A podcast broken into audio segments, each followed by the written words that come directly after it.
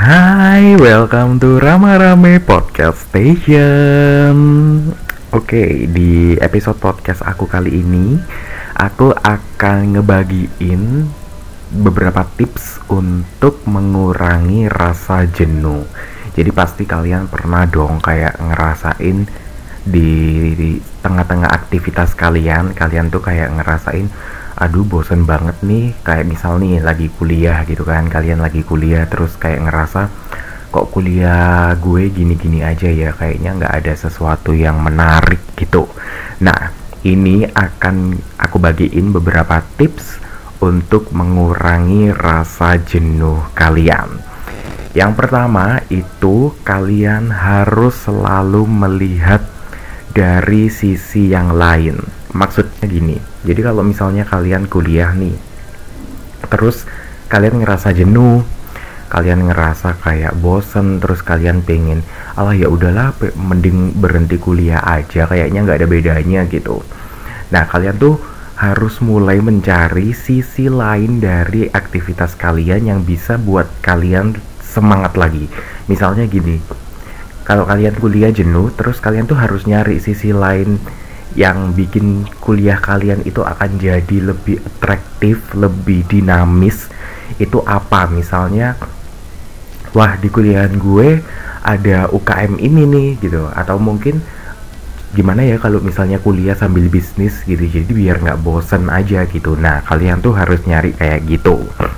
Terus yang kedua itu kalian harus positive thinking always ini biasanya sih banyak terjadinya di kalian-kalian yang bekerja atau bisnis gitu. Apalagi bisnis sih kayak misalnya bisnis itu kan bener-bener yang penuh ketidakpastian gitu kan. Karena kita kan nggak tahu hari esok nih bakalan serame hari ini nggak gitu. Nah buat kalian yang sedang bekerja bisnis mungkin kalian tuh harus punya positive thinking gitu loh.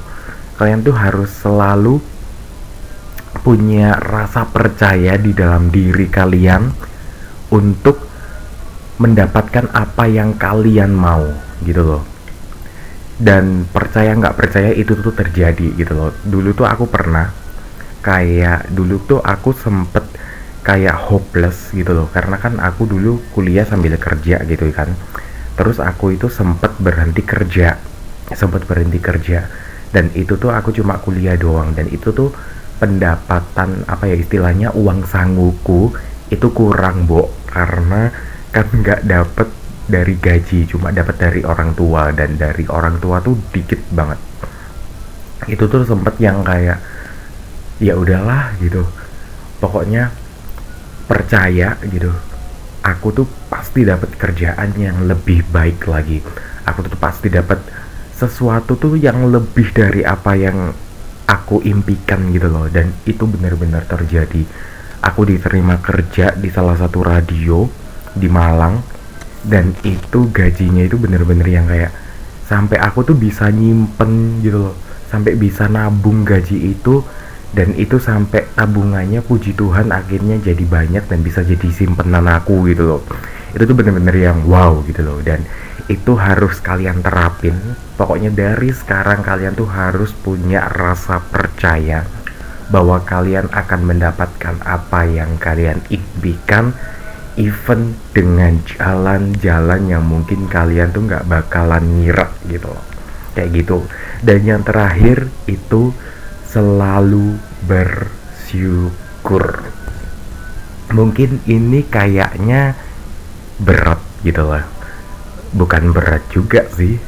Enteng sih diucapin. Oh bersyukur tuh cuma sekedar terima kasih terus kayak terima kasih Tuhan gitu terima kasih Allah gitu. Tapi bersyukur di sini itu bukan cuma di mulut. Bersyukur tuh juga dari hati.